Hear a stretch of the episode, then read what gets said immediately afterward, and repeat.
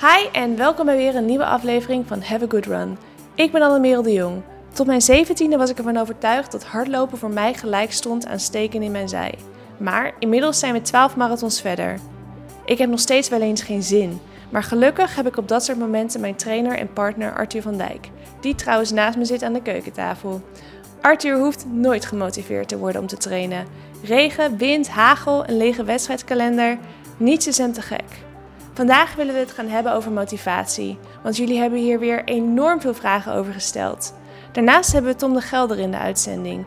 Tom is een atleet en student en een van de initiatiefnemers van de Corona Solo 5K. Veel luisterplezier en have a good run!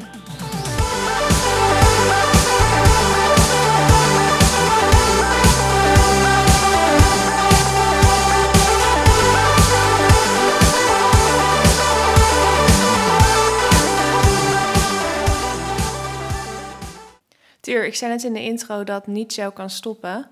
Maar ehm, die blessure die zit jou nu al eh, twee maanden aan de kant. Ja, hardlopen, dat, eh, dat is er even niet van gekomen. Ehm, als ik één à twee keer per week train, dan... Als ik train, heb ik gelijk die dag daarna wel weer een stijve voet.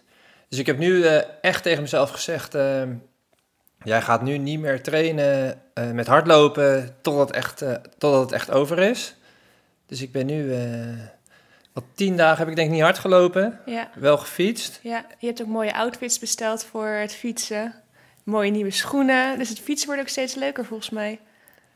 Ja, ik denk dat het net als met hardlopen is. Als je het eh, maar vaak genoeg doe, doet, dan eh, krijg je een ritme, een conditie en dan gaat het steeds lekkerder. Ja. Dus geblesseerd zijn hoeft ook niet te betekenen dat je alleen maar stil zit aan de kant. Nee, en weet je wat ook het leuke is? Dat ik nu ehm, veel verder van huis kom dan ik eh, gewend ben met hardlopen. Ja?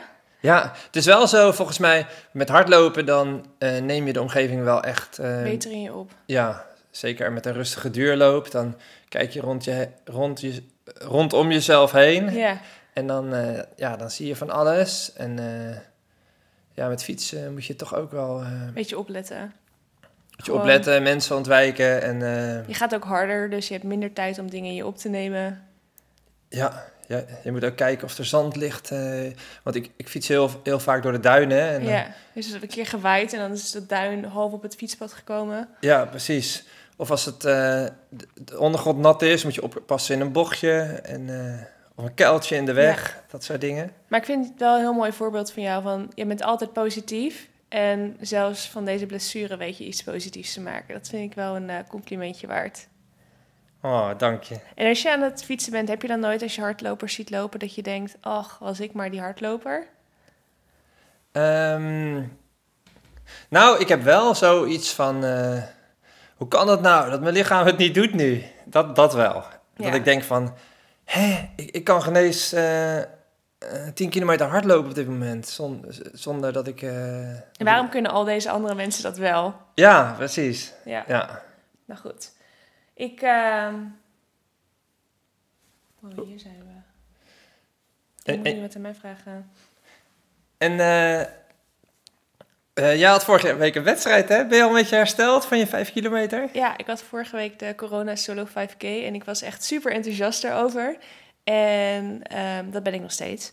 Ook al was mijn tijd niet echt super bijzonder. Maar het gaf wel echt weer zo'n goed gevoel om weer een echte, een, nou, echte, een soort van echte wedstrijd te lopen.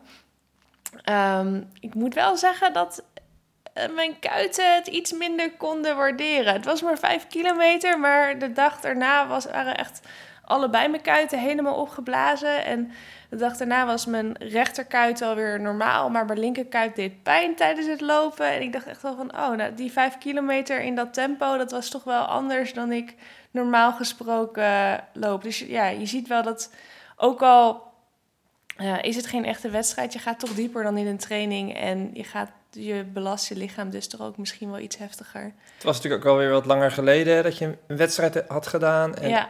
En ook die race schoenen had je ook Ja, al een tijdje niet meer die had ik al aangehad. vier maanden niet meer aangehad. Maar ik denk dat dat op zich geen, dat niet een heel groot probleem is. En ehm, het bevestigt wel gewoon voor mij dat ik ehm, eh, echt geen langere wedstrijden dan 10 kilometer ga doen de komende periode. Want ik merk wel, ik moest hier best wel eventjes van herstellen. Ik had niet alleen last van mijn kuit, ik had ook een beetje keelpijn gekregen. Dus je merkt wel dat je weerstand, ook al is het maar 5 kilometer, dat het wel iets met je doet, zeg maar. En je hebt natuurlijk je eerste corona PR. PR. Ja, 2108. Eh ik hoop dat hij er eh, wel weer een keertje aangaat. Komende dinsdag doe ik de Freedom 5K van mijn fysio Julian Hagen via Strava. Dus dan doe ik weer een 5 kilometer. Ik heb er een hard hoofd in dat ik dan sneller kan. Maar dat moet ik natuurlijk niet zeggen. Want je moet gewoon ervan overtuigd zijn dat je harder kan. En je moet er gewoon met alle positieve energie ingaan. Het is dan ook precies 10 dagen na de corona solo 5K. En jij zegt altijd dat je trainingseffect hebt 10 dagen na een training. Toch? Dus dan zou ik nu eigenlijk, zou ik die 5 kilometer van vorige week zaterdag, zou dan eigenlijk nu moeten bijdragen aan een snellere 5 kilometer tijd, toch? Ja, eh, grote kansen natuurlijk. Ja, Want je gaat eh, wellicht weer hetzelfde rondje lopen. ja ik Dan- denk het wel. Ik moet even naar de wind kijken, hoe de wind precies is. En ik denk ook wel weer lekker vroeg. Dat is het leuke van die eh, Ja, virtuele runs, dat je zelf je parcours Route- mag kiezen. ja, en dat je ook gewoon zelf op je eigen tijdstip mag starten. En dat je gewoon een waterdrager hebt. Niet dat ik een waterdrager nodig heb voor 5 kilometer. En dat je een eigen filmploeg hebt. En een eigen fotograaf. En iemand die je spullen bij zich houdt. En dat je na de wedstrijd meteen je telefoon hebt. Dat je geen, geen zorgen over een autosleutel hoeft te maken. Allemaal, Dat heb je allemaal bij je. allemaal voordelen. Ja, thanks stuur. En Als eh, jij eh, binnenkort weer eh, wedstrijden kan lopen, binnenkort of ooit. Ooit klinkt wel weer heel deprimerend, maar dan doe ik het natuurlijk ook wel voor jou. Hè? Dat begrijp je. En weet je wat het fijne is? Als jij een wedstrijd loopt, hoef ik je veel minder lang te begeleiden, want jij loopt sneller. Jij loopt 15 minuten op de 5. dankjewel, eh Weertje. Ja, ik denk, ik geef nog even een complimentje voor dat het allemaal wat ik net gezegd heb. En eh, weet je wat ik ook leuk vind? Dat, eh, dat meerdere mensen zo'n lijstje bij aan het houden zijn met corona. ja, zo 5K's. leuk. Ik krijg echt heel veel berichtjes via Instagram van Of- mensen die dat... Of eh, corona-PR's. Corona-PR's inderdaad. Ja, dat, ik krijg echt superveel berichtjes van mensen die ook zo'n lijstje aan het maken zijn. Ik zag al krijtborden, whiteboards in de woonkamer. Echt superleuk. Ik eh, ben heel benieuwd eh, of mensen mooie tijden neer gaan zetten. Ik zag al wel heel veel mooie tijden voorbij komen, maar ik denk dat er nog wel wat gaat sneuvelen deze komende periode. Hey Annemeer, en dan komt als het goed is over twee weken weer een PR bij, hè? Dan loop je de corona 10K. Ja, 10 kilometer. Ik eh, ben nog een klein beetje huiveriger voor, maar we gaan het gewoon doen. Ehm, na het succes van de Corona Solo 5K is er namelijk op 16 mei de Corona eh, Solo 10K. Een van de initiatiefnemers is Tom de Gelder. En Tom heeft vijf jaar bij Tuur getraind, totdat hij in september vorig jaar de overstap maakte naar Team Zevenheuvelen in Nijmegen. Hij heeft een PR van 3,48 op de 1500, een seconde sneller dan Tuur. Hij heeft een PR van 1447 op de 5000. Dat is. eh, mag ik niet zeggen hoeveel sneller dat is? Oké, dat houden we even voor ons. En vorig jaar verbeterde Tuurs, eh, Tom Tuurs clubrecord op de 1000 meter met 1 seconde naar 2 minuten en 25 seconden. Ja, dus over 1 kilometer 2 minuten en 25 seconden. Ik doe het hem niet na. En Tuur dus ook niet. Ehm, we Sorry, grappig, Tuur. grappig, grappig. Nee, het is wel waar, ja. We spraken Tom deze week over het succes van de Corona Solo 5K, de 10 kilometer en hoe hij zelf deze periode beleeft en gemotiveerd blijft. Hey, goedemorgen Tom. Goedemorgen. Ehm, Goedemorgen. In september ben je verhuisd naar Team 7 Heuvelen in Nijmegen. ja, Eh, wat is in die tussentijd allemaal eh, gebeurd? ehm, ja, nou in september, zoals je zegt, ben ik inderdaad eh, ja, van team veranderd. Ehm, ja, dit deed ik omdat ik toch eh, iets meer ja, hoger niveau in de groep, meer trainingsmaatjes eh, zocht. oh, heel eh, aardig, Tom, om dit te horen. Meer Heel trainingsmaatjes. Alsof wij Ja, geen nee, goede trainingsmaatjes nee. waren. Maar ik bedoel eh, meer echt eh, die eh, ja, eigenlijk toch beter zijn dan ik. Omdat Ja. je daar uiteindelijk toch het best van wordt. We Ehm, begrijpen het.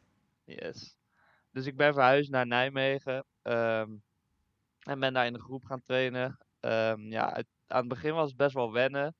Omdat het trainingsniveau toch gewoon een stuk hoger ligt. Eh, ja, mensen kunnen eigenlijk gewoon veel harder lopen. Makkelijk gezegd. Dus ehm, ja, ik werd af en toe wel gewoon even op mijn plek gezet. En dat eh, was ik natuurlijk niet echt gewend. Omdat ik vaak een van de snelste was eh, bij jou in de groep, Ja. Arthur. Ja, ja, ja. Ehm, maar ik merkte wel eigenlijk dat ik, eh, ik moest wel even wennen, maar ik maakte wel snel stappen qua, eh, ja, vooral mijn inhoud en mijn uithoudingsvermogen. ging eigenlijk al heel snel beter.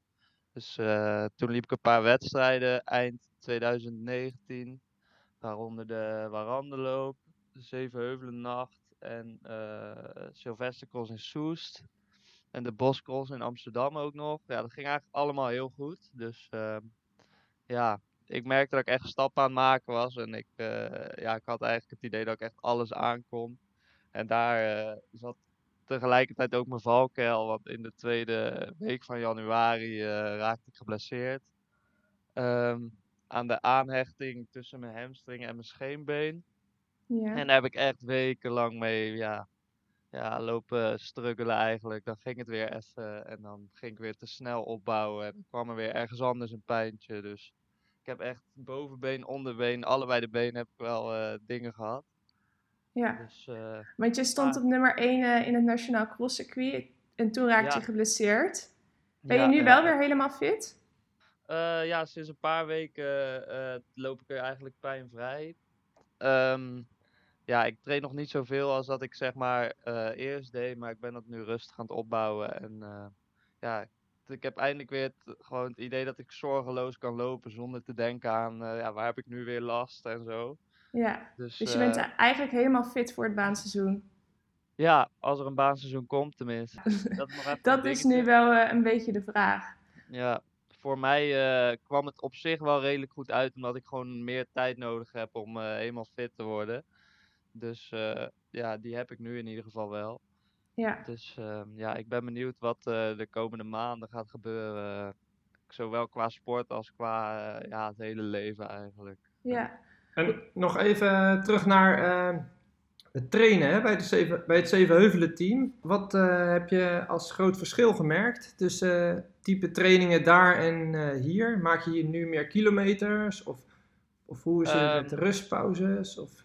Ja, sowieso. eh, de kilometers eh, werden voor mij wel steeds meer. Ik denk dat ik bij jou in de winter nou, misschien rond de 90 of zo, 80, 90 zat. En nu zat ik wel, eh, nu zat ik op een piek wel standaard boven de 100 kilometer per week. Ja, bij de baantraining hebben we eigenlijk, eigenlijk vrijwel altijd gewoon eh, het hele programma achter elkaar met dribbelpauze. Dus eh, eigenlijk hebben we nooit wandelpauze tijdens de baantraining in de winter dan.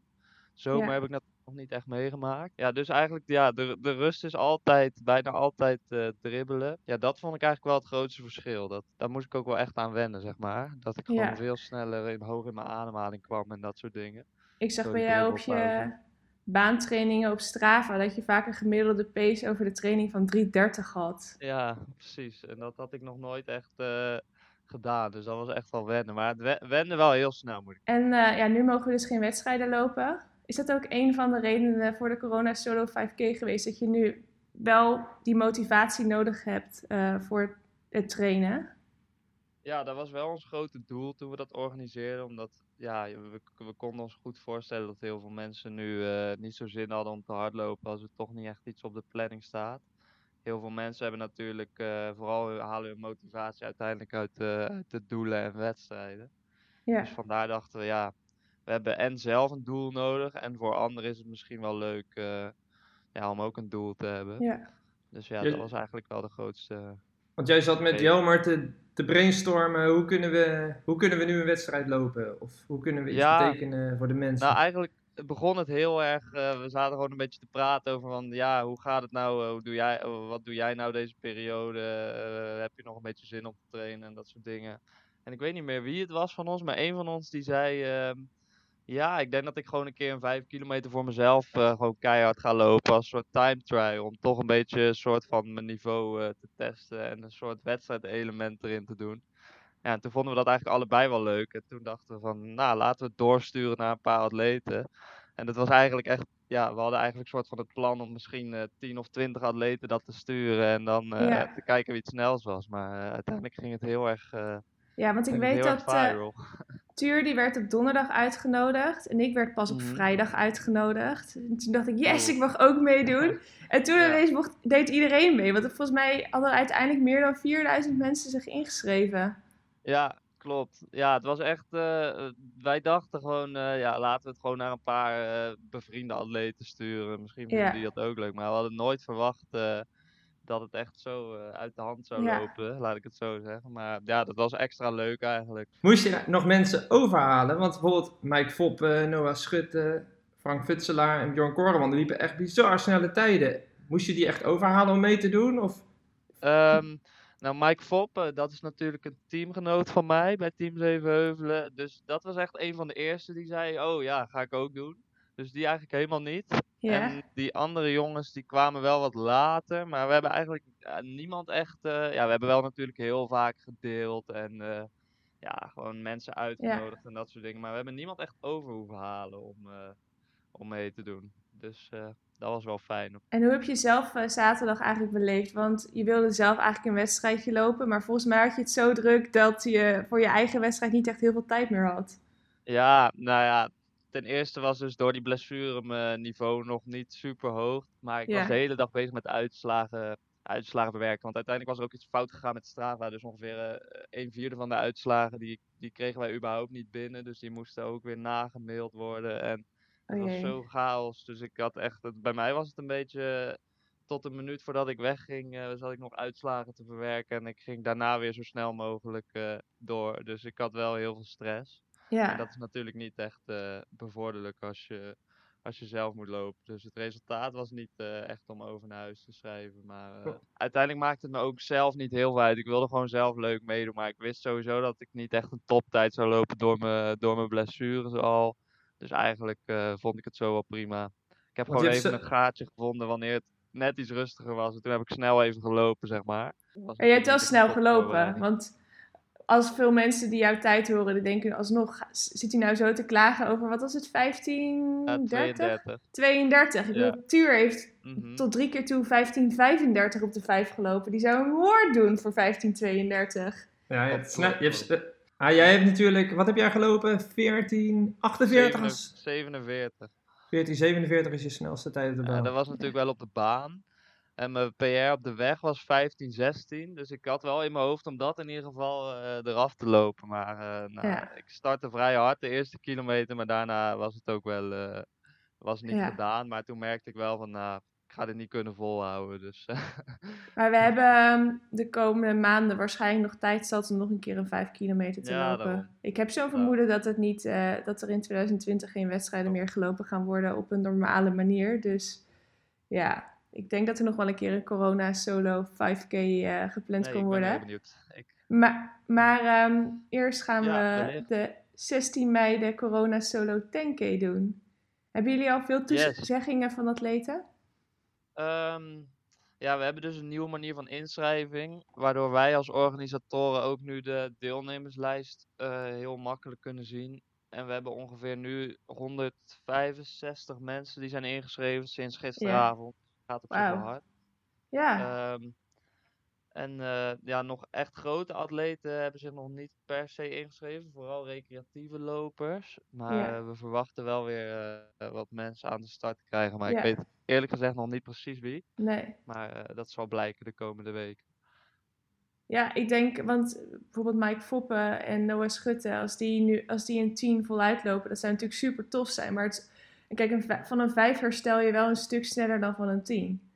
Dus ik weet niet. Ja, dus we Oeps. verwachten sowieso ehm, in totaal misschien wel iets minder deelnemers. We hopen het natuurlijk niet. Maar een 5 is natuurlijk een stuk eh, ja, Ja, toegankelijker voor iedereen dan een 10.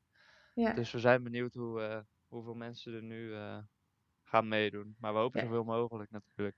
Want een 5 kilometer is in je eentje al best wel pittig. Maar Ja. een 10 lijkt me mentaal echt nog zoveel zwaarder. Ga je zelf meedoen? Ik ga zelf sowieso wel meedoen, maar ik moet nog even bepalen of ik echt volle bak ga of dat ik hem als een soort training, bijvoorbeeld Ja. progressief of een soort threshold-achtig eh, Ja. ga lopen. Daar ben ik nog niet helemaal over uit.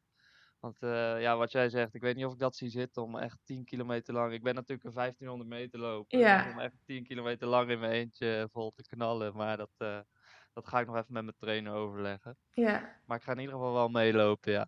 Ja, want ik ben een marathonloper, maar ik vind 10 Mhm. kilometer volle bak knallen al echt gewoon... Ja, dat is Ja. andere uit. Dat is wel echt eh, bizar, want ik, ik denk nu zelf ook dat ik het eerste rondje gewoon rustig doe en het tweede rondje dan progressief ga versnellen. Maar we zien wel Ja, hoe dat... eh, want ik, mezelf motiveren voor 10 kilometer volle bak, dat is wel... Ik krijg daar nu ook kriebels van. Maar het is ook wel een leuke uitdaging tegelijk. Jullie hebben nu een heel ander systeem voor, voor de Corona Solo 10K? Of hebben jullie nu een Ja. samenwerking met iets of zo? Of het zag er heel professioneel uit. Ja, we hebben nou ja, bij de Corona Solo 5K, eh, dat heb je misschien ook wel gemerkt, was het eh, op een gegeven moment heel chaotisch met de uitslagen. Ehm, dus ehm, op zich, omdat het onze eerste keer was, vonden we dat niet erg. Maar ja, je moet er wel van leren natuurlijk.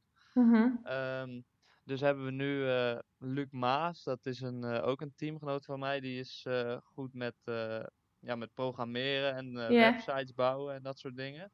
Dus die ehm, heeft ons geholpen om een, ja, eigenlijk een pagina voor de inschrijving te maken op onze website. Op Ja. corona5k.com slash signup.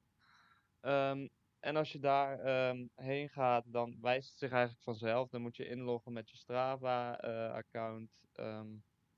en dan toestemming geven. En dan eh, Ja, op de wedstrijddag, als je weer naar die pagina gaat, verschijnen daar al je Strava-activiteiten van die dag. Dus van 16 Ja. mei. En als je dan de juiste selecteert, waarin je zeg maar je 10 kilometer hebt gelopen, dan eh, komt die, eh, als het goed is, ook in een live, eh, soort live ja, leaderboard, zeg maar.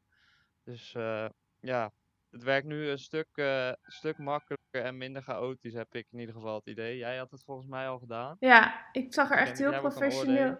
Ik zag, het zag er heel professioneel uit. Ik dacht echt dat Strava jullie geholpen had, maar het was gewoon Luc Maas. Ja, dus eh, laat ik die ook nog even credits geven. Ja, Zit hij nog in Valencia? Of Nee, is nee, die is ook eh, teruggekomen toen de Oh, gelukkig voor hem. uitbrak.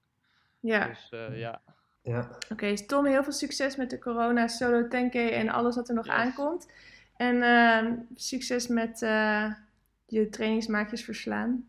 Je hebt Ja. ze bij Olympus allemaal, eh, mhm. allemaal eruit gelopen en nu eh, is ja, het Team zal wel even Zevenheuvel duren aan de we weer samen mogen trainen op de baan. Ja. Maar dat gaan we zien. Ja, maar je kunt elkaar dan toch nog een beetje met elkaar meten tijdens de wedstrijdjes. Daarom. Toch?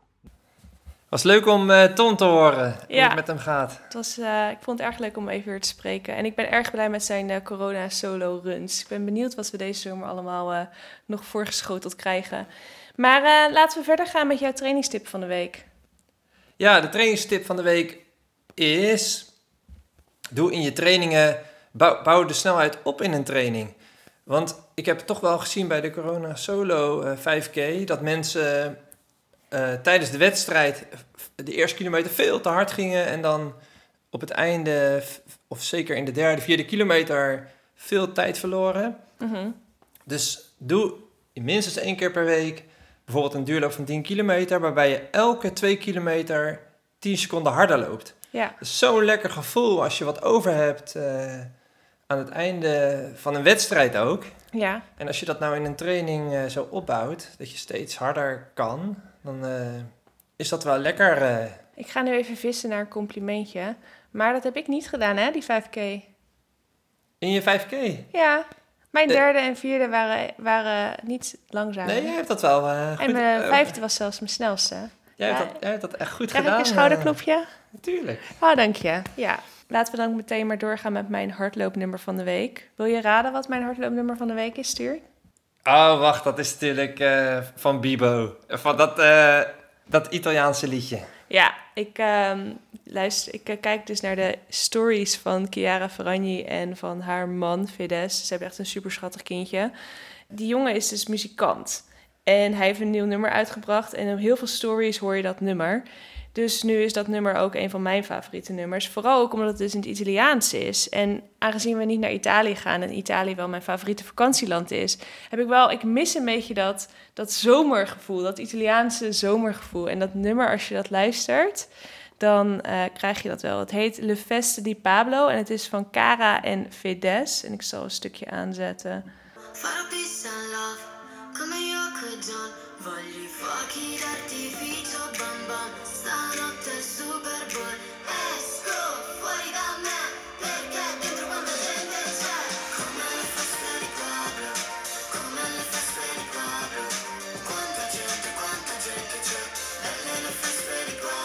Heb je toch net het idee alsof je door een Italiaanse supermarkt loopt en dat daar de radio aan staat? Toch? Vind je hem niet leuk? Ja, nou ja. Ik eh, heb hem inmi- inmiddels al zo vaak gehoord eh, de afgelopen weken. Ja. Dat je hem niet leuk meer vindt? Wil je dat zeggen? Ik zet hem niet in mijn favoriete afspeellijst. Dat vind ik nou gemeen. Dat vind ik gemeen. Oké, laten we beginnen met de vragen, want we hebben er mega veel binnengekregen. Gisteren, gister, vorige week, toen eh, kregen we, ehm, hadden we gevraagd om vragen over training en motivatie. En toen hadden we al die trainingsvragen beantwoord en toen was de podcast eigenlijk al helemaal vol. Dus toen zijn we niet meer toegekomen aan de vragen over motivatie. Dus dat gaan we vandaag doen. En de eerste vraag is van Reini Boven. En zij vraagt: Wat is jullie motivatie geweest om ooit te beginnen met hardlopen? Tuur, begin jij maar. Wow. Ja, ik merkte eigenlijk op de basisschool al dat ik, eh, dat ik het wel goed kon. En mijn familie eh, liep, liep eh, hard. Mijn Ja. vader liep marathons, mijn moeder liep marathons. Mijn vader had op de baan ook wel goed gelopen. En ik deed eh, mee met eh, prestatieloopjes. En ja, dan, dan eindigde ik al wel vaak voorin bij kinderlopen. En ja, dat, dat motiveert wel. Ja? Ja, Nou, en mijn, jij? mijn grootste motivatie was een bak met ijs die ik graag wilde blijven eten. Maar ik wilde niet eh, dat ik daardoor aan zou komen. Dus ik dacht, als ik nou ga hardlopen, dan kan ik blijven ijs eten. Toen was je 14, toch? Nee, 17. 17 ben je begonnen. Ja. Oh ja, wacht. Jij was op een camping. Ja, toen ik 14 was, heb ik ook een poging gedaan om hard te lopen. Ehm, toen ging ik met mijn ouders op meivakantie. Dus dat is nu precies 17 jaar geleden. Ehm, en toen had ik bedacht dat ik iedere ochtend ging hardlopen om 7 uur 's ochtends. Ehm, mijn ouders waren erg blij dat het de eerste keer niet heel erg goed bevallen was. Want om kwart voor zeven stond ik dus op en maakte ik iedereen in de caravan wakker om mijn kleding te pakken. En toen ging ik een rondje lopen over de camping. En ik dacht dus dat dat... Het zag altijd super makkelijk uit bij andere mensen. Dus ik dacht, dat ga ik ook gewoon doen. Maar het was echt... Het ging echt niet. Wat voor schoen had je aan? Toen? Pff, ik zou het niet eens meer weten. Ik weet alleen dat ik een pakje had. Een blauw pakje met een, eh, een kort broekje en een shirtje. En ze van de Sting. En ik vond het echt super mooi. Ja, nu zou ik het denk ik niet meer dragen. Ik weet wel zeker dat ik dat niet meer zou dragen. En ja, mijn ouders waren echt heel blij dat ik na één keer had besloten dat het niet een succes was. Ik denk dat ik nog niet eens tien minuten ben weg geweest en dat ik al tot de conclusie kwam dat het echt niks voor mij was. En toen heeft het drie jaar geduurd. Voordat ik het nog een keer probeerde. Maar toen probeerde ik het met een schema. Dus dat je met minuutjes hardlopen, minuutjes wandelen. Want ik ging natuurlijk gelijk meteen... eh, Die eerste keer ging ik gewoon in één keer proberen hard te lopen. Weet ik veel hoe lang ik wilde gaan hardlopen. En toen kwam ik er wel achter dat ik mijn ademhaling niet meteen onder controle kreeg en zo. Dat vond ik echt niet fijn. En wat ook nog een voordeel was, toen ik 17 was... Toen skilerde ik daarvoor heel veel. Ik was echt bijna, denk wel vijf keer in de week aan het skileren. Dus dan heb je misschien toch al wel iets meer van een basisconditie... waardoor je minder buiten adem raakt tijdens het hardlopen. Dus ja. En ik fietste toen ook een kwartier heen en een kwartier terug naar school. Terwijl toen ik 14 was, toen zat ik ehm, nog op school eh, in, in hetzelfde dorp. Dus was, ik- was ik in drie minuten op school. Dus ik deed veel minder aan sport. De vraag was natuurlijk, eh, wat heeft je gemotiveerd om eh, ja, te daar beginnen? zijn we er heel erg ver van afgeweken. Jij zegt net, dan kon ik ijsjes eten. Ja, En dat was op je zeventiende. ja. En op je veertiende, wat was toen je motivatie? Ik denk ook de ijsjes eigenlijk wel. ja. En omdat Ja. ik dacht dat het cool was. Heb je wel eens superveel motivatie, maar als je eenmaal buiten bent, niet meer? Nou, superveel motivatie en dan, nou, dan, heb ik, dan heb ik buiten nog steeds wel motivatie. Als ik echt veel motivatie heb en als ik dan buiten ben, dan, dan komt het altijd wel goed. Ja, want de grootste stap is vaak... eh, Van de bank naar de deur. Ja, wanneer ga ik, hè? Ja. Ja. En dat kun je natuurlijk heel mooi ondervangen door gewoon eh, er niet over na te denken. Gewoon s ochtends op te staan, eh, een havermoutje te eten of een banaantje, eh, whatever, hoe lang je ook gaat lopen. Ehm, bijvoorbeeld als je 20 kilometer gaat lopen, zou ik niet met één banaan gaan lopen. Als je rustig 10 kilometer gaat lopen, kun je prima op één banaan lopen, denk ik. En dan gewoon gaan. Kleding klaarleggen de avond van tevoren en niet nadenken. Ja, of gewoon zeggen, ik ga acht uur of negen uur op zaterdagochtend. Ja, En dan dus aan die tijd ook houden, hè? ja, dus niet denken, ik ga vandaag hardlopen, maar ik ga dan en dan en dan precies hardlopen. En ik ga dat doen. Ja, dat is wel heel makkelijk dan, hè? Om je Ja. Motivatie te Maar als je, ik moet wel zeggen dat als je later op de dag je run plant, bijvoorbeeld om twee uur 's middags, dan kun je die hele ochtend kun je al dingen bedenken waarom het niet een goed idee is om om twee uur 's middags te gaan lopen. Dus voor mij werkt het wel om meteen te gaan. Ja, vroeg op de dag, gelijk eh, dat je Ja. geweest bent. Of als je een afspraak hebt later op de dag, want dan moet je wel gaan. Maar ik heb natuurlijk niet vaak afspraken, ik, omdat, ik, ehm, omdat ik voor mezelf werk en niet vaak afspraken buiten de deur heb en nu al helemaal niet, kan ik eigenlijk op ieder tijdstip van de dag lopen, waardoor mijn trainingen vaak heel lang worden uitgesteld. Tenzij er een pakketje ge- bezorgd wordt Ja, natuurlijk. dan moet ik natuurlijk wel weer gaan. Maar dan denk ik ook wel eens, oh, ik kan ook als het pakketje al bezorgd is. Marloes Verheem zegt, ik heb altijd motivatie om te gaan trainen, maar de motivatie om gezond te eten, die heb ik wat minder. Heb je daar tips voor? Goeie. Mijn motivatie om te gaan hardlopen is vaak dat ik meer kan eten. En jij, Tuur? Jij hebt daar geen last van. Want jij kan alles Nee. eten dat je wil en je ziet het niet terug in je lichaam. Maar Nee. je, ziet het, je merkt het wel aan natuurlijk hoe fit je bent. Want het gezond eten heeft niet alleen te maken met hoe je eruit ziet in de spiegel, maar ook met hoe je je voelt en hoe fit je bent. Ik denk dat gezond eten ook wel eh, lekker eten kan zijn. Ja, dat sowieso wel. En ik denk ook dat als je drie goede maaltijden per dag eet, die gezond zijn, eh, maar ook gewoon heel erg lekker, dat het dan makkelijker is om tussendoortjes te laten staan. Dus als je 's ochtends gewoon lekker ontbijt, 's middags goed luncht en s'avonds lekker avondeten neemt, ehm, maar wel ook met veel groenten en ehm, zonder al te veel pakjes en zakjes. Dus gewoon eh, verse ingrediënten gebruikt, dat je, ehm, ja, dat je dan minder de neiging hebt om een zak chips open te trekken. Al trekken wij ook nog wel eens een zak chips open, vooral in het weekend. Maar ik denk dat je ook bijvoorbeeld moet kijken van ehm, wanneer neem ik wel iets lekkers en wanneer neem ik niet die zak chips. Ik bedoel, Deze week hebben wij dat wel goed gedaan, ja, hè? we hebben echt door de week geen chips gegeten. Dus Ja. daar ben ik wel trots op. En vooral blij mee. Volgende vraag is ehm, van Rianne. En zij vraagt, hoe motiveer ik mezelf om te lopen als er veel wind staat? Oh, Ik loop altijd eerst met tegenwind. Jij ja, ook? ja, ik ook. Of ik kies een route... Ik begin wel met tegenwind bijvoorbeeld. Ja. En dan kies ik ook nog eens een route die door een beschut gebied gaat. Ja. En dan eh meewind eh, ja, kan dan best open zijn Ja. door de duinen. Ja, dat doe ik ook heel vaak inderdaad. En ik vind het juist ook wel eh, motiverend om vijf kilometer tegenwind te lopen. En dan eh, gewoon echt heel rustig en gewoon focussen op mijn, op mijn techniek. En rustig ademhalen. En dan weet ik, die laatste vijf kilometer, dan vlieg ik gewoon naar huis. Dus als jij die progressieve training gaat doen, dan zou ik ook voorstellen om meer tegen de wind in te gaan lopen. En dan wordt het zo makkelijk gemaakt om lekker progressief te lopen. Ja, ik doe ook heel vaak, eh, zeg ik tegen mensen, doe je interval, ga gewoon het, de warming-up, doe die gewoon tegenwind. Ja, Eh, dus drie, vier kilometer warming-up tegenwind. Zelfs versnellingslopen ja, kan je de eerste paar tegenwind en dan de laatste twee eh, meewind als je Ja. de vier doet. En dan inderdaad eh, je intervaltraining met meewind en de pauzes terug tegenwind weer. ja.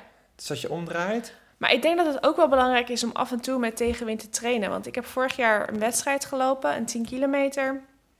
En daar was echt keiharde tegenwind langs de kade. En ik liep daar zo belabberd. Dat ik denk van ja, misschien moet je ook gewoon wel eens door de zure appel heen bijten. En gewoon je tempo's met tegenwind lopen. Want anders dan leer je ook niet met die tegenwind omgaan in een wedstrijd. Weet je nog bij Egmond, de halve marathon? Oh, die halve marathon van Egmond. Oh, daar wil ik niet eens meer over gaan hebben. Want we willen positieve energie verspreiden met deze podcast. En ik weet wel echt dat dat een drama was. Al die tegenwind. En dat ik de groep verloor. En dat ik tussen twee groepen in zat. En nee, ga- hier gaan we het niet over hebben. Nee. Eh, Iris zegt, ik mis mijn renmaatjes. Hoe kun je dieper gaan in de training als je alleen traint? Ja, ik denk eh, bijvoorbeeld ook eh, eh, een doel stellen in een training. Ja, Dus een, een pace kiezen en die proberen vast te houden. Een reële pace, die je Ja. ook echt kan. Mhm. Ehm, dus stel jij loopt eh, eh, 40 op de 10, ja. dan moet jij gewoon wel duizendjes in 400 kunnen lopen. Eh, ja, dat denk ik ook of als wel. je 50 op de 10 loopt, duizendjes in 500. Dus ehm, ja, dan moet je daar maar voor, voor gaan, denk ik. Ja, en ik programmeer mijn horloge altijd. Dus de training zet ik in mijn horloge. En dan krijg ik dus eh, piepjes op het moment dat ik ehm, weer moet aanzetten. En wanneer ik weer klaar ben met het aanzetten. Ehm, dus als ik een duizendje loop, dan krijg ik aan het begin van het duizendje voel ik een eh, trilling om mijn pols. En dan aan het eind voel ik weer een trilling om mijn pols.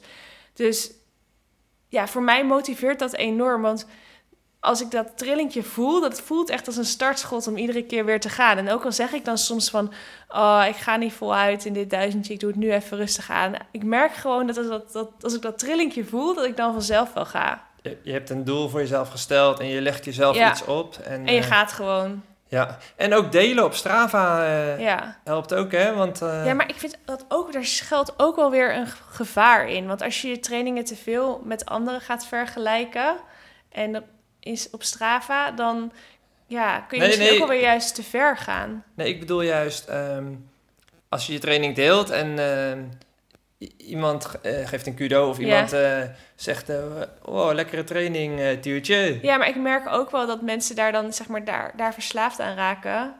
Aan, dat, aan die kudo's. En dat ze dan steeds meer van zichzelf willen in trainingen. En dat ze daardoor geblesseerd raken. Of dat ze zich vergelijken met de andere lopers. En die denk- denken ze, oh, die loopt zo hard op het duizendje, dat moet ik ook. Dus ik denk dat, het, dat je er wel een beetje, dat je er niet... Dicht bij jezelf blijven. Ja, dat, het- dat Ja. je vooral op jezelf moet focussen en niet te veel op wat anderen doen. En je kan ook in die Garmin-app, hè, dan kan je zien eh, hoeveel, hoeveel kilometer je de laatste zeven dagen hebt gedaan. Ja, En eh, als je dan tegen jezelf zegt, ik wil gewoon rond de 40 blijven, ja, of 50, dat je dan... eh, en je wordt 's morgens wakker en je ziet, oh, ik sta nu op 42 en ik wil rond de 50 blijven. Dan eh, heb je wel een soort motivatie, stok achter Ja. de deur om er weer acht te pakken vandaag. ja. Alleen heeft dat niks met diepgaan in de training te maken. Oh, Daar ging de vraag over. nou ja, ze, ze mist haar remmaatjes, toch? ja. Dus- Hoe kan ik dieper gaan in de training als je alleen traint? Oh, sorry, ja, nee. Volgende vraag is van Finspiration. En zij is verpleegster en zij eh, vraagt hoe ze over haar vermoeidheid heen komt om te gaan rennen. Oh ja, en Must Be Robin heeft een soortgelijke vraag. Hoe weet je of je gewoon geen zin hebt, of Of- dat je lichaam om rust vraagt? Dat vindt ze moeilijk. Dat vind ik namelijk moeilijk. Goeie, Tuur. Wat, Ja. wat vind jij daarvan? Nou ja, als je dus, eh, stel je zit op de bank en het verschil tussen geen zin hebben of rust, dan zou ik gewoon echt eh, nagaan wat heb ik de afgelopen dagen aan hardlopen gedaan. Ja, Want ja, je kan inderdaad echt moe zijn eh, van je werk. En, maar als dan blijkt dat jij al eh, vijf dagen niet hebt hard gelopen, hè, ja. dan moet je gewoon gaan, denk ik. En zeker als je geen blessure hebt. Dus, en dan blijkt ineens dat je van zo'n training toch wel weer lekker fit thuiskomt. Ja, Maar als je echt eh, hard hebt gewerkt en je hebt ook gewoon elke dag getraind, ja, of je hebt ehm, gewo- gewoon echt een goed aantal kilometers al gelopen die week, ja, dan, dan kan dat echt moe, moeheid zijn. En dan zou ik ja. inderdaad niet gaan. Maar ik kan me ook voorstellen dat als je nu als verpleegster werkt, dat je nu harder moet werken dan normaal door de coronacrisis. En dat je daardoor ook gewoon meer vermoeid bent. Dat werkdagen misschien langer zijn, dat je misschien wat harder moet lopen op je werk. Dus ik denk niet dat je alleen naar hardloopkilometers moet kijken, maar ook naar hoe is je rusthartslag en hoeveel stappen heb je die dag al gezet op je werk. Ja, zeker. zeker ja. En ehm, als je het echt afvraagt, dan kun je ook gewoon. ehm, en je bent bang dat als je dat je te ver gaat, te diep gaat in een training, kun je ook eerst een rondje van drie kilometer lopen. En dan daarna bepalen van hoe voel ik me nu. En als je na die drie kilometer denkt van oh, ik voel me nog steeds echt belabberd, dat je dan denkt, nou, ik ga weer lekker naar huis. En als je na die drie kilometer denkt, nou, ik ben eigenlijk wel fit, dat je dan doorgaat en je training gaat doen. Toch? Ja, en ik heb ook trouwens ehm, de laatste jaren gemerkt dat eh, examenkandidaten, die raakten vaak rond de examenperiode eh, ook nog geblesseerd. Omdat ze, ja, ze- Mentale stress hebben. Ja, dat, die combinatie. En ook veel zitten en langere dagen maken. En dan Ja. daarnaast ook gewoon doortrainen. Ja. En ja, dat, dus dat, dat, dat zullen verpleegsters ook nu hebben inderdaad. Ja. Dus kijk goed uit, let op jezelf. En eh, als je je goed voelt, lekker lopen.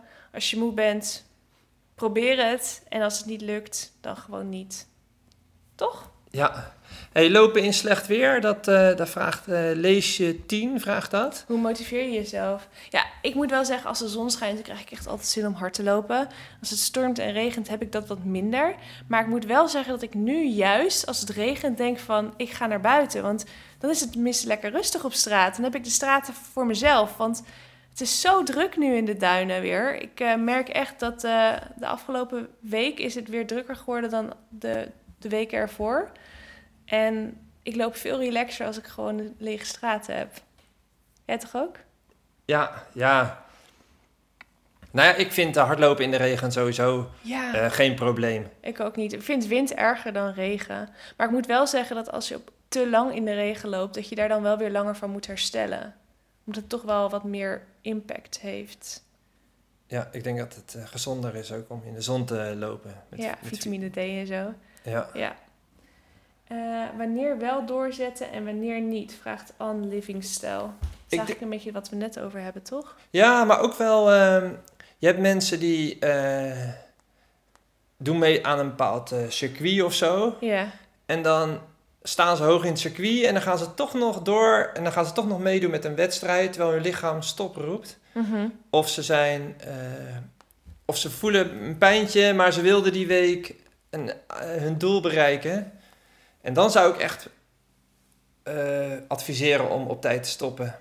ja. Om gewoon te stoppen en gewoon die blessure niet negeren. Ja, ik eh, stond vorig jaar eerste in het, eh, wat is het ook weer? Hoe heet het circuit ook weer? Het Agium Run circuit.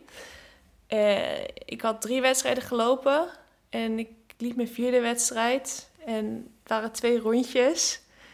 En ik moest, na één rondje ben ik uitgestapt omdat ik me het gewoon echt niet goed voelde. En toen dat ik uitgestapt was, dacht ik wel van... Oh, als ik nou deze gewoon had uitgelopen en daarna nog één wedstrijdje met dode gemakje had gelopen, dan had ik gewoon gewonnen.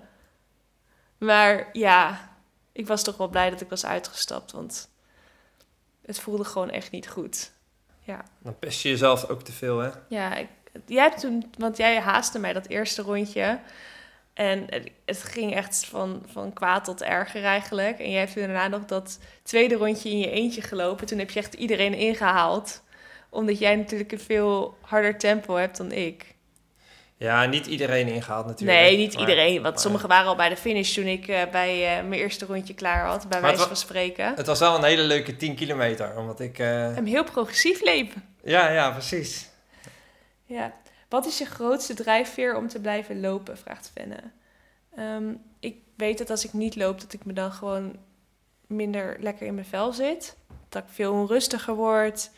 Dat ik dingen met minder plezier doe. Dat ik minder cre- creatief ben.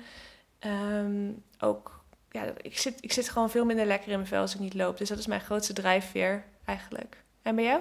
Ja, ik, eh, ik voel me ook echt eh, veel energieker en minder onrustig als ik hardloop. Ja. Ja. En, nu doe En het is ook een heerlijk fietsen. gevoel als je, als je in, eh, in vorm bent. Die, eh, gewoon dat je heerlijk eh, een, een 12 kilometer duurloop kan doen zonder echt moe te worden.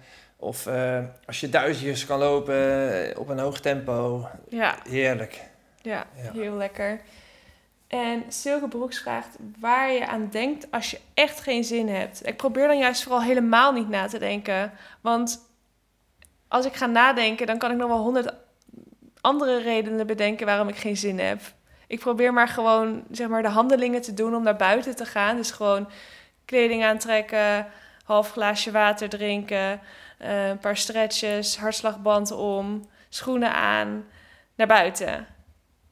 En niet nadenken. En jij? Nou ja, ik heb eigenlijk altijd zin in om hard te lopen. Ja. Ik, ehm, ja, ik heb zelfs periodes dat ik eh, s morgens wakker word. En dan denk ik, wat is het leukste wat ik vandaag ga doen? En dat is dan, eh, dan denk ik echt aan, eh, de, Annemero een knuffel geven. aan de training.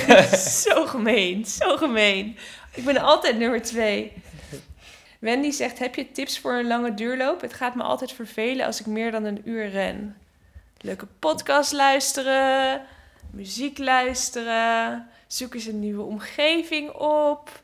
Ehm, je kunt ook een duurloop doen en dan iedere vijf minuten eh één minuutje aanzetten. Dus niet voluit gaan, maar gewoon net eventjes de tempowisselingen doen, zodat het wat minder eentonig is. ja, Heb je ja. nog eh, aanvullingen? Nee, geweldig. Ja, variëren, hè. Dat is mooi. Ja, variëren in ondergrond, variëren in gebied waar je loopt. Ehm, ja, zo, zo motiveer ik mezelf eigenlijk altijd. Ik verzin ook wel eens hele verhalen in mijn hoofd. Maar ik schrijf soms hele blogs tijdens het hardlopen en dan vergeet ik gewoon de tijd. Dan ben ik met, met heel andere dingen bezig. En daarnaast zet ik ook mijn automatische lab vaak uit tijdens, eh, tijdens lange duurlopen. En dan zet ik hem op hartslag. Want anders krijg je iedere kilometer krijg je zo'n piepje. En als ik hem op hartslag zet en dan mijn, eh, mijn lab uit, dan zie ik, dan ben ik gewoon echt veel meer in het moment. Dan ben ik niet met kilometers bezig. Ja. Ik heb ook wel eens, als ik dan helemaal niet naar mijn, naar mijn horloge kijk, dan denk ik van, ik ga gewoon eh, lekker lopen, dat het goed Ja. voelt. En dan blijkt, blijkt ineens dat je 10 of 15 seconden harder per kilometer loopt in een duurloop dan je eigenlijk normaal... Ja, eh, Dat heb ik ook last van. Last van. Dus niet echt een eh, kwaal, maar dat heb ik inderdaad ook. Eh, Michelle van Ginkel vraagt: Zou iedereen met een bepaalde motivatie een marathon kunnen hardlopen? Ehm, ik denk wel als je gezond bent, maar je moet wel echt gezond zijn. Ja, en ik zou het ook niet te snel naar een marathon gaan. Nee. Ik zou... ja, ligt ook aan je leeftijd natuurlijk. Ja. Maar eh, Er zijn ook Ja. nog kortere afstanden die heel leuk zijn. ja, een snelle 10 is ook uitdagend eh, Ja, genoeg. maar niet voor iedereen. Ik weet dat mijn vader zijn bed niet uitkomt voor alles korter dan een halve marathon. Ja. Maar goed, dat is mijn vader. En Helene, dat is de laatste vraag trouwens. Zij vraagt: Is voor jullie een wedstrijd de motivatie om te trainen en loop je nu fijner in de training nu er geen wedstrijden zijn? Echt trainen, dat je echt bijvoorbeeld hard gaat in twee minuutjes, dat is wel een wet. Daar zit altijd wel iets van een wedstrijd in mijn hoofd. Maar ik vind trainen is ook wel belangrijk Ehm, hard gaan in sommige trainingen is ook belangrijk om rustige trainingen comfortabeler te kunnen doen. Als ik bijvoorbeeld alleen maar rustige duurlopen doe, dan het, worden die rustige duurlopen niet makkelijker of zo. Als ik af en toe intervaltrainingen doe, dan worden mijn duurlopen ook makkelijker en comfortabeler. Ja, en als je dan zo'n eh, 5K-test eh, doet, Ja. die had je pas gedaan natuurlijk, dan gaat de volgende training ook wel weer makkelijker, hè? Ja, En ik voel in deze periode eh, dat er ook geen druk op de ketel is natuurlijk. ja. Dus je Dus- doet ook veel trainingen die je ook gewoon echt leuk vindt. Ja, dat is sowieso natuurlijk heel belangrijk dat je trainingen doet die je leuk vindt. Maar ja, af en toe moet je gewoon even uit je comfortzone om, als je een bepaald doel hebt. Is er een bepaalde training die jij de afgelopen periode heel vaak gedaan hebt, omdat je die leuk vond? Hmm, ik heb wel redelijk vaak twee minuutjes gedaan. Ja, Ja, lekker snel voorbij en je kan lekker wat tempo eh, draaien, Ja. hè? ik had deze week ook 10 keer 30 seconden met één minuut wandel tussendoor. En dat vond ik ook wel echt een fijne training. Want 30 seconden, die zijn al voorbij voordat je door hebt wat je aan het doen bent. En ik ging wel echt lekker hard op die 30 secondetjes. Ik, wel, hard is wel een beetje relatief, want ik heb eh, wel harder gelopen ehm, dan dat.